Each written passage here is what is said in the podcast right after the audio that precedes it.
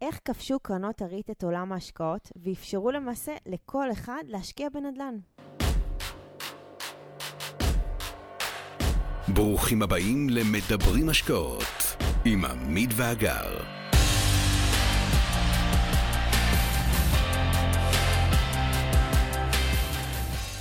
בספטמבר 1960 חתם נשיא ארצות הברית אייזנהאואר על חקיקה חדשה שהגה הקונגרס, אשר נועדה לאפשר לאמריקאים רבים להשקיע בנדל"ן מניב, ללא צורך ברכישת נדל"ן בפועל. אותה חקיקה יצרה לראשונה בעולם את קרנות הריט, שהנגישו את השקעות הנדל"ן לכל אחת ואחת, ולא רק לבני המעמד הגבוה. במקום רף גבוה של רכישת נכסים בודדים שלא אפשר לרבים להשקיע אז בנדל"ן, כעת אפשר בפרוסות קטנות שמאפשרות פיזור וחשיפה אחרים.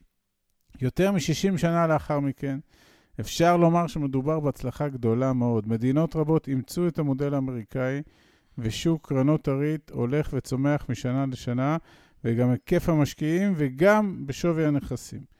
על פי נריט, נכון לסוף 2021 ישנן כ-865 קרנות ריט רשומות בכל העולם, מעל 200 בארצות הברית, כשחלקן של אותן מדינות בתמ"ג העולמי עומד על 85% ב-2020, לעומת 28% בלבד ב-1990. כלומר, זינוק מרמות של 6.5 מיליארד ל-72 מיליארד, וכל זה על פי נתוני הבנק העולמי.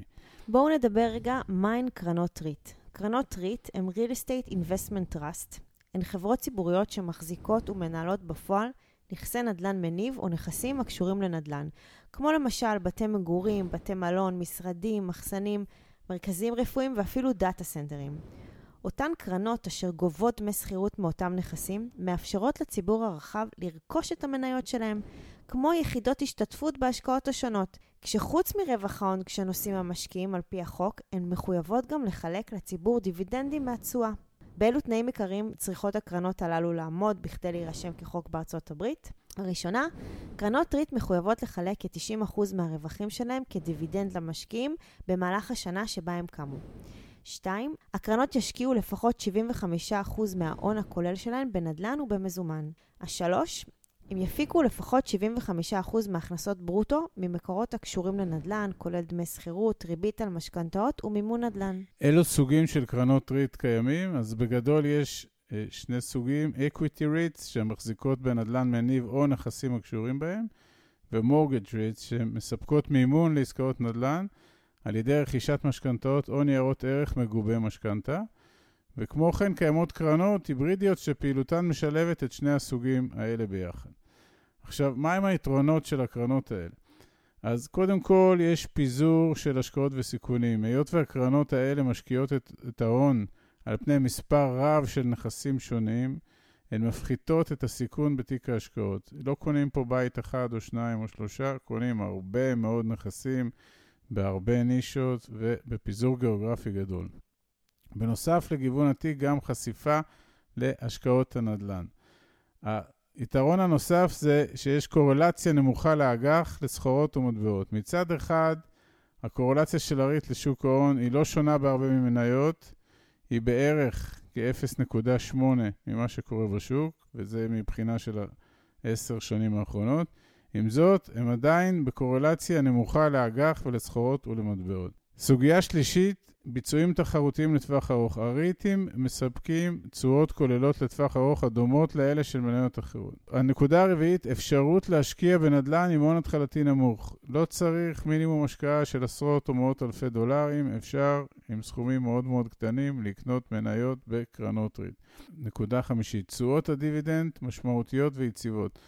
התשואות של הריט ברמה ההיסטורית מייצרות הכנסה קבועה למשקיעים בעיקר בגלל החובה המוטלת עליהן לחלק 90% מההכנסות. נקודה שישית, השקעה בנדל"ן באופן קל, פשוט ונוח. אחת האמירות הידועות ביותר בשוק ההשקעות נדל"ן היא שאין תחליף ל-boots on the ground ולהגעה לשטח כדי לבחון את הנכס. קרנות הריט מאפשרות להשקיע מהספה בבית בלי להצטרך לנסוע, לטרטר, להוציא כספים ולהחזיק נכסים על כל המשמעות. הנקודה השביעית, נזילות. המניות של קרנות הריט נסחרות בבורסות הגדולות בעולם הנזילות היא מלאה, ולמעשה יש פה נדל"ן מצד אחד, שהבעיה המרכזית שלו שהוא לא נזיל, ומצד שני הוא כן נזיל דרך קרנות הריט, ולמעשה פתרו פה את בעיית הנזילות בנדל"ן.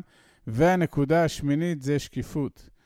הפעילות והביצועים של הקרנות מפוקחים על ידי גורמים רבים, דירקטורים בלתי תלויים, אנליסטים, רואי חשבון, יועצים פיננסיים ועוד, מה שמאפשר לצמצם את הסיכון עבור המשקיעים ולספק הגנה טובה יותר על הכספים. הנתונים מוכיחים, הריט מציגות ביצועים טובים לאורך השנים.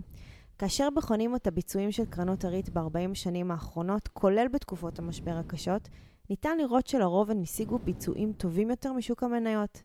ככל שאופק הזמן ארוך יותר, כך הריט השיגו ביצועים טובים יותר. כיום הריט בארצות הברית מחזיקות בנכסי נדל"ן ציבוריים ופרטיים בשווי כולל של מעל 3.5 טריליון דולר, ונדמה שבשנים הבאות הן ילכו ויצברו תאוצה.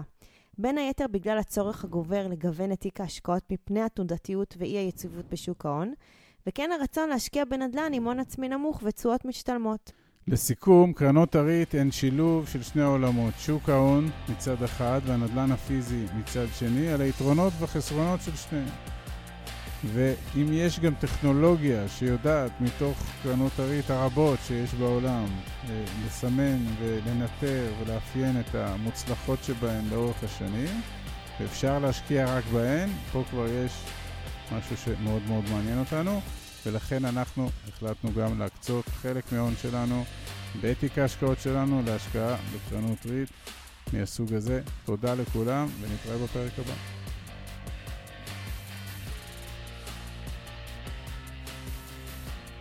עד כאן להפעם. כרגיל, שמחנו לשתף בידע ובניסיון שלנו, מקווים שנתרמתם.